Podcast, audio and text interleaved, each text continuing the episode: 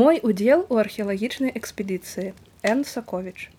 Археалогія дае ключ да разумення старажытных культураў. У Еўропе, Афрыцы, Азіі, Амерыцы археолагі адкрылі загінутыя культуры, яка некалі красавалі і ў сіле і ў прыгадстве, але якія ў канцы агнём і мечам былі вынішчаныя. Тысячагоддзямі ляжалі яны закрытыя зямлёю, забытыя ўсімі людзьмі. Амаль заўсёды адкапаныя археолагамі помнікі прыносілі чалавецтву новыя веды аб гэтых культурах больш дакладнае, чым сведчанне старажытных гісторыкаў ці падарожнікаў, якія жылі шмат бліжэй да тых часоў. Гісторыя старажытнасці Беларусі мала даследаваная, нярэдка сфаліпаваная альбо вельмі тэндэнцыйная, неасвятленая расійскімі і польскімі навукоўцамі чакала сваіх даследчыкаў. Гэта разумелі нашы нацыянальныя лідары і навукоўцы і ў пару двадцатых гадоў калі на момант здавалася што для беларускіх навукоўцаў настала мажлівасць самім вывучаць свой край інстытут беларускай культуры пазней рэарганізаваную беларускую акадэмію навук прызначыў вялікія сродкі на вывучэнне беларускіх архіваў на археалагічныя раскопкі Увесну 1928 года я пачула, што ўлетку адбудзецца археалагічная экспедыцыя. Навуковыя працаўнікі індэлкульту Константин Палікарпович, Александр Ляўданскі і Сергей Дубінскі пасылаліся на раскопкі стаянкі палеаліту каля сяла бердыжа чачэрскага раёну, а таксама на раскопкі некаторых гарадзішчаў курганоў на сожы і дняпры. Да гэтай экспедыцыі рыхтаваліся і мае сябры з універсітэту Сергей шутаў мікола улашчык і алесь каваленя кожны з гэтых хлапцоў меў ужо дасведчанне ў археалогіі нават невялікія друкаваныя працы. Праўда Сергей быў студэнт медык але ўвесь свой вольны час аддаваў археалогіі. На летніх вакацыях разам з міколам і алесем студэнтам гісторыкамі вандраваў ён пехатой па беларусі занатоўваючы курганы гарадзішчы для ўкладання археалагічнай карты. Ці прымаў удзел у археалагічных раскопках Іхняе апавяданне аб папярэдніх экспедыцыях захаплялі і мяне і я мела вялікае жаданне паехаць у экспедыцыю. Экспедыцыя набліжалася, трэба было штосьці рабіць, каб трапіць у яе. З навуковых працаўнікоў, што і адчольвалі, ад якіх залежаў мой удзел, я ведала асабіста толькі Сергея Дубінскага. У 1925-1927 годзе група студэнтаў пад ягоным кіраўніцтвам укладала бібліяграфічную картатэку з археалогіі. Некаторы час у гэтай групе працавала і я. Мы працавалі ў невялікім пакоі на другім паверсе дзяржаўнай бібліятэкі. Пакой мясціўся за залей для навукоўцаў і студэнтаў дыпломнікаў. Часта, скончыўшы працу, мы не спяшаліся разыходзіцца. Іншы раз далучаўся да нас хтосьці з дыпломнікаў. Усе мы раслі і фармаваліся духоўна ў пару жорсткіх гістарычных канфліктаў. Шмат пытанняў хвалявала нас. Там пачула я праўдзівы неафіцыйны погляд прафесара печэты на марксізм. Казалі, што сяроддзе блізкіх людзей ён выказваўся марксізм стаўся ў нас догмай, а дзе дагматызм там нішчыцца навука, наша гістарычная навука пад пагрозай. Ці ж толькі навука под пагрозай разважалі мы наше жыццё наше нацыянальнае існаванне под пагрозай. Рэальная вартасць жыцця падмяняецца камуністычнай дэкламацыяй. Ці пераможа нацыянальны пачатак ці задушыцца ў лабірынце бальшавіцкага цынізму дубінскі часта заставаўся пасядзець з намі таксама але пакуль тэма была не археалагічная ён больш маўчаў ён быў чалавек гадоў сорока маленькі шчуплы вельмі блізказрочны глядзеў ён на свет задуменна праз тоўстыя шкельцы акуляраў Не раз здавалася, што глядзець ён на цябе і не пазнае, быццам жыве ён у іншым свеце. Аднак, калі хто пытаўся ў яго аб чым з археалогіі, ягоны твар пачынаў свяціцца. Тлумачачы, ён выцягваў з кішэні чарапкі, крамяні, хадзячы музей жартавалі мы паміж сабою, але ставіліся да яго спашаную. Мы адчувалі, што ён вельмі самотны і цешыцца, калі хто са студэнтаў адведае яго. Ён меў невялікі пакоек завалены кніжкамі і археалагічнымі выкапнямі. Першае ўражанне ад пакоя было, што ім няма ніякага парадку і на ўсім ляжыць тоўсты пласт пылу. Але калі аднойчы мы дзяўчаты студэнткі ветліва прапанавалі навесці крыху парадак, дубінскі разгневаўся. Бяда, калі жанчына з'явіцца ў хаце, выгаварваў ён нам. Далей парадку яна нічога не бачыць. І ў той дзень мы даведаліся, што нягледзячы на знадаорную хаатычнасці пыл у пакоі кожная рэч, кожны чарапок мелі сваё непарушнае месца. Мы бачылі ў яго на палічках вергілія, гарацыя, авідзія і ведалі, што ён меў звычаю хвіліны адпачынку чытаць старажытных аўтараў. Ягоныя дасканалыя веды з лацінскай мовы, ягоную дабрату іншы раз выкарыстоўвалі. Памятаю, для семінары я працавала над тэмай аб гандлёвых дачыненнях літвы з заходняй Еўропы пачатку 15 стагоддзя трэба было перачытаць умовы, напісаныя па-лацінску. Я зусім заблыталася з лібертрансітус, скардзілася я дубінскаму з надзеяй, што ён ператлумачыць мне тэкст. Я не памылілася, дубінскі дапамог мне і цяпер я пастанавіла таксама прасіць яго дапамагчы мне трапіць у экспедыцыю. Лягчэй за ўсё было спаткаць дубінскага ў дзяржаўнай бібліятэцы, я накіравалася туды. Мне пашанцавала. Я ўбачыла яго ў зады для навукоўцаў. Ён, як і заўсёды чытаў, нізка схіліўшыся над кніжкай і не заўважаючы нікога. Я ўзяла кніжку таксама, села за стол побач і чакала, пакуль ён не скончыў чытаць. З бібліятэкі мы выйшлі разам. Я хачу з вами пагаварыць, вельмі важная справа для мяне. І зноў лацінскі тэкст усміхнуўся ён не археалагічная экспедыцыя залпам сказала я. Я хачу яе трапіць і толькі вы можете мне в этом дапамагчы. Тубінскі некаторы час нічога не адказваў і сэрца маё замерла ад думкі што ён адмовіць. Ці не будзе гэта для вас цяжка? Нарэшце запытаўся ён. Я абсалютна пэўная ў сабе і ні працы ні гарачыні не дажу нічога не баюся. Спяшалася я запэўніць яго. Ўсё роўна іншы раз вы будете адчуваць сябе вельмі стомленай выгодаў ніякіх спыняемся па сялянскіх хатах.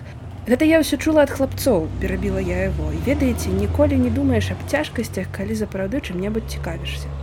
Ваш удзел залежыць не толькі ад мяне але добра я пагавару аб вас з паліпкарповічам і ляўданскім паабяцаў ён. За некалькі дзён дубінскі паведаміў мне каб я збіралася. У экспедыцыю мы выязджалі з менску на буда кашалёва вечаровым цягніком спаткаліся ўсе на станцыі не было з намі толькі аднаго янкі калеткіна сябры здаецца бабруйскага акруговага краязнаўчага таварыства. Ён далучыўся да нас пазней недзе ў дарозе. У той вечар я пазнаёмілася з кальпалікарповічам і ляўданскім. Я бачыла іх раней на паседжаннях археалагічнай камісіі інбелкульту слухала іхнія рэфераты. Людзі кажуць што аблічча чалавека гэта адбітак ягонага характару. Мне гэта Асабліва прыгадалася, калі я ў той вечар спаткалася з ляўданскім. Ён быў высокі, мусткулісты, са злёгку пакручастымі валасамі на галаве, пасаджаныя на грубай шыі і плячах. Калі ён гаварыў ці голасна смяяўся, здавалася, што ён стаіць крыху адкінуўшыся назад, моцна ўпершыся нагамі ў зямлю і трымае цэлы свет залейцы. Палікарповіч рабіў ўражанне чалавека вельмі стрыманага. Голас ягоны гучэў ціха, але сказы былі павольныя, абдуманыя. Падчас экспедыцыі ён быў нястомны ў працы, але ўсю сваю энергію аддаваў выключна навуковым доследам, ніколі не дбаючы аб практычным боку працы, які цалкам ляжаў на ляўданскім. Якія яны розныя, часта думала я аб іх. Ляўданскі падаваўся мне добрым старэйшым сябрам, хоць іншы раз рэчы, аб якіх ён гаварыў мне не падабаліся. Аднойчы ён спытаўся ў мяне: вы ведаеце ластоўскага? Ведаю. Ён і ягоная жонка блізкія знаёмыя нашай сям'і. Што вы думаеце аб ім? Маю да яго вялікую пашану сказала я. Я бачыла як твар ляўданскага спахмурнеў а я іншае думаю аб ім сказаў ён адрывіста. Ляўданскі пераехаў на працу ў менск смаленскага універсітэту Ён быў яшчэ маладым навукоўцам на смаленшчыне ён прымаў удзел у раскопках гарадзішча і курганоў, друкаваўся ў научных ізвесціях смаленскага государственного універсітэта і выдаў аб сваіх доследах асобную кніжку. У ягоных навуковых высновах адчуваліся прарасійскія канцэпцыі. Гэтыя прарасійскія сімпатыі можна было вычыць у ім у жыцці, хоць ворагам беларушчыны ён не быў. На жаль, пазней аб гэтым сказаць не можна было. Працуючы ў беларускім дзяржаўным музеі ляўданскі сутыкнуўся з вацлавам ластоўскім. Ластоўскі, адзін з лідараў беларускага адраджэнскага руху, прасякнуты ідэямі вялікага прошлага свайго краю, бескампрамісны вораг усяго пра маскоўскага, з ляўданскім працаваў беспасрэдна як дырэктар музею. Паміж імі склаліся адразу непрыхільныя дачыненні. Ластоўскі быў ідэаліст, але ляўданскі не бачыў яго такім. Ён уважаў ластоўскага як фанатыка амбітнага самалюбцу зацікаўленага толькі ў дыскрымінацыі яго ляўданскага як навукоўца. Кожны чалавек, атручаны падазронасцю, робіцца небяспечным. Незадавальненне супраць ластоўскага абярнулася ў ляўданскага ў незадавальненне супраць усяго нацыянальнага беларускага. З часам у ляўданскага развілася халодная, цяжкая нянавісць наогул да ўсяго беларускага. У той жа час ён бачыў вялікую моц нашых навукоўцаў і разумеў, што яна можа быць атакаванай толькі праз абвінавачванне. І ўжо ад 1929 году ён не прапускаў нічога, што б магло разбурыць беларускую нацыянальную навуку нават фантастычных даносаў. Гэта стала ягонай амбіцыяй, ягоным задавальненнем ягоным асабістым абавязкам. У 1930 годзе ластоўскі быў арыштаваны вывезены раз пасля чаго след па ім загінуў. Ляўданскі застаўся ў беларусі і ў гэтым трагедыя не асабістая а нашай нацыі. У буда кашалёва мы прыехалі познім раннім. Адсюль нанялі вазы бо чыгункі да месца палеалітычнай стаянкі не было. Дзень выдаўся гарачы вельмі часта мы спыняліся каля вясковых студняў паіць каней пілі самі Мы ўсе моцна запаліліся ў той дзень адчувалі сябе зморанымі гарачынёю усе, апрача палікарповіча. Не варта піць шмат вады, гэта выклікае большую смагу, раю ён нам. Палікарповіч у дарозе не піў вады. Толькі яшчэ на станцыі, калі мы снедалі, заказаў ён шклянку вельмі моцнай гарбаты. Пазней у экспедыцыі ён штодня асобна для сябе гатаваў такую гарбату. Мне заўсёды здавалася, што цёмная скура на ягоным твары і вузкія шчыльна сціснутыя вусны набылі чырвона-бурштынавае адцення гэтыя моцна загатаванай гарбаты. Палікарповіч не быў гаваркім, як ляўданскі, але калі ён аб чымсьці апавядаў, яго было вельмі цікава слухаць. Неяк ужо пасля раскопак у раёне сожу, калі мы плылі параплавам ад чачэрску на гомель, я засталася позна на палубе прырода заўсёды хвалявала маё воображэнне і я хоць чулася зморанай паслядня працы не хацела ісці ў каюту. Застаўся на палубе і палікарповіч. Мы глядзелі на раку абапёршыся на парэнчы палубы. Зацягнутая хмарамі неба не адбівалася ў вадзе. Начную цемень ціж парушаў толькі шум вады ад руху параплава. Я прызвычаілася што палікарповіч маўклівы і ўздрыгнулася ад нечаканасці калі ён загаварыў Чалавек заўсёды сведама ці нясведама ў пошуках праўды, у пошуках адказу, у чым сутнасць ягонага існавання. Чулася нейкая напружнасць у ягоным звычайна ціхім голасе і гэта мяне здзівіла. Я павярнулася да яго тварам, але ён працягваў гаварыць, гледзячы на раку. Адных гэтае шуканне прыводзіць да ведаў, у другіх прымае дзіўная форма. Раптам ён павярнуўся да мяне так, што цяпер мы былі твар да твару. Вы ведаеце, што па гэтых прыгожых берагах захаваліся хлыстоўскія абшчыны сказаў ён. Не адказала я я нават добра не ведаю які іх недагмат пошуках праўды таксама сказаў ён. Я паглядзела на яго з недаверам. Ці не жартуе ён подумала я. Не ён не жартаваў ягоны голас заставаўся сур'ёзным Ад яго пачула я тады, што хлустоўскія абшчыны ці караблі паўсталі ў маскоўшчыне ў сярэдзіне 17 стагоддзя, што ў 18 стагоддзі некаторыя з іх, таксама як стараверы уцякалі ў Беларусь ад пераследу маскоўскіх уладаў, што праз стагоддзя жывуць хлустоўцы, як яны самі сабе завуць паміж іншымі людзьмі адасоблена. У час радзенняў бегаюць яны па коле, б'юць цела дубцамі, хлыстамі, каб выгнаць з яго нячыстую сілу даходзяць да экстазу.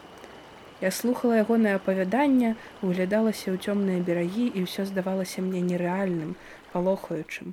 Ад неба, ад зямлі, ад вады, нават ад голасу палікарповіча пацягнуліся да мяне халодныя далоні страху. Я доўга не магла заснуць у тую ноч. Чаму шукання прыганства і праўды ў чалавека часта набывае збочаныя формы, думала я і не знаходзіла адказу. Гэта палікарповіч адкрыў палеалітычную стаянку каля бердыжа бердышская стаянка з'яўляецца першай у часе і найбольш значнай з пасярод палеалітычных стаянак беларусі. У адной з сваіх пазнейшых працаў аб гэтай стаянцы палікарповіч зазначае што яна і да гэтага часу не можа ўважацца за дастаткова вывучаную. Раскопваўся ўвесь час па умовах залягання стаянкі не цэнтр яе а перыферыя Пад кіраўніцтвам палікарповіча на гэтай стаянцы праводзіліся раскопкі ад 1926 до 1929 году кожнае лета, а таксама ў 1938 і 1939 годах. Ён адносіць гэтую стаянку да стадыі пазнейшага ці верхняга палеаліту. Канец ледавіковай эпохі 30-20 тысяч гадоў да нашай эры. На ягоную думку Тут існаваў даўгі час людскі пасёлак, бо была знойдзена вялікая колькасць касцей мамантаў і іншых жывёлаў, а паміж імі крамянёвыя канцы для дзідаў, разцы, нажы, зробленыя першабытным чалавекам. Адкрыццё палеаліта ў Беларусі мела велізарнае навуковае значэнне і было сенсацыяй таго часу. За вынікамі раскопак сачылі імі цікавіліся ва ўсім свеце. Аб рэштках гэтай стаянкі аб ёйнай фауне аб геалагічных умовах знаходжання яе цяпер ёсць вялікая колькасць друкаваных працаў, якія прыносяць новыя веды аб першых кроках жыцця чалавека ў нашым краі і наогул на зямлі. У тое лета на час раскопак мы спыніліся блізка ад стаянкі ў невялікай вёсцы падлужная. Аглядаючыся назад, я бачу чыстую хату нашых гаспадароў, лаўку каля вакна, на якой і спала, вялікі стол у куце, заўсёды засланы белым саматканым абрусам і шырокую пясчаную вуліцу, па якой я перад снеданнем спяшалася на возера памыцца, а пазней з усімі ішла на працу. Стаянка знаходзілася высока на берагавой тэрасе ракі сожа, на правы бок невялікай лагчыны каля выхаду гэтай лагчыны да ракі. Зверху, дзе мы працавалі, было відаць увесь краявід. Дзялянка стаянкі, даследаваная намі ў 1928 годзе мела 30 квадратных метраў. Пачатку знялі верхнія пласты пяску, у якіх не было слядоў рэшткаў. Усю дзялянку разбілі на пранумараваныя квадраты. Кожны браў асобны квадрат і вельмі асцярожна, уважліва ачышчаў рэшткі ад пяску невялічкімі пэнзлямі і шуфлікамі. Усё, што знаходзіш, фатаграфавалі, занатоўвалі на плане, паказваючы нумар квадрата і глыбіню залягання. Глыбіня залягання рэшткаў была значная і ў некаторых месцах даходзіла да 5 ці 6 метраў. Адкапалі мы тады каля 500 цэлых і паламаных ці разбітых костак жывёлаў. Як і ў папярэдніх экспедыцыях гэта былі галоўна, косці мамантаў, а таксама косці быка, дзікага каня, пячорнага мядзведзя, вялікага быка. Косці дзівілі сваімі памерамі асабліва канцавіны біўняў і чарапы мамантаў. Ізноў на стаянцы знайшлі каменныя прылады і некалькі вугольчыкаў ад вогнішча. Усё гэта сведчыла аб чалавеку, які тут жыў тысячы гадоў назад, паляваў на мамантаў, апрацоўваў сваю здабычу прымітыўнымі каменнымі нажамі, скрабкамі, разцамі. Нават шліфаванае каменне чалавек тады яшчэ не ведаў.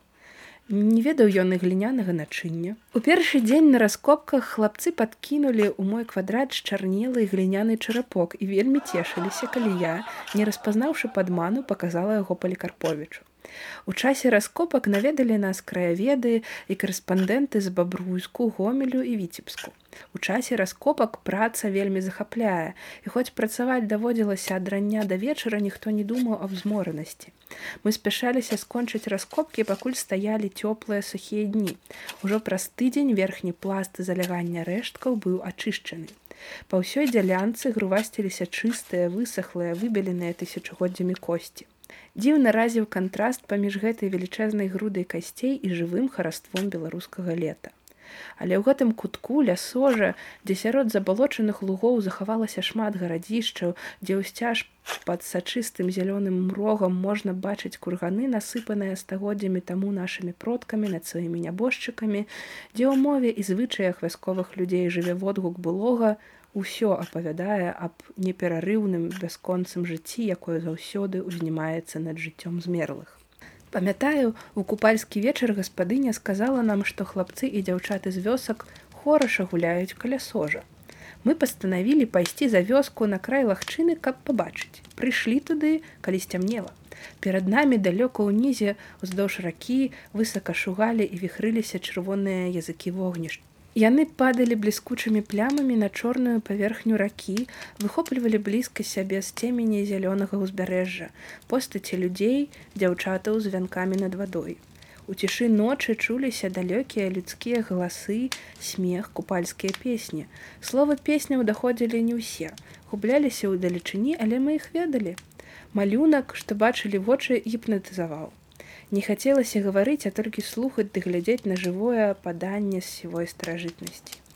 Мы заставаліся над лагчыную доўга, пакуль не згаслі вогнішчы.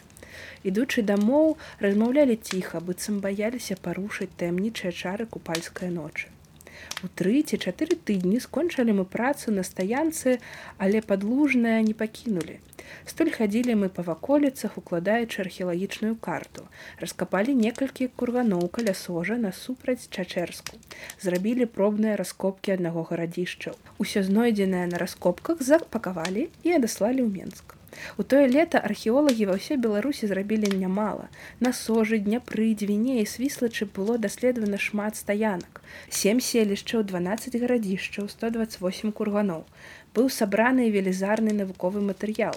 Археалагічны аддзел беларускага дзяржаўнага музею узбагаціўся экспанатамі з жыцця ў беларусі ў пару палеаліту неаліту бронзавага перыяду і пачатку жалезнага Не можна пярэчыць, што ў апошнія дзесяцігоддзі не вядуцца доследы помнікаў культуры, квітнеўшай некалі на Беларусі, але цяпер скарбы нашай гісторыі вывозяцца.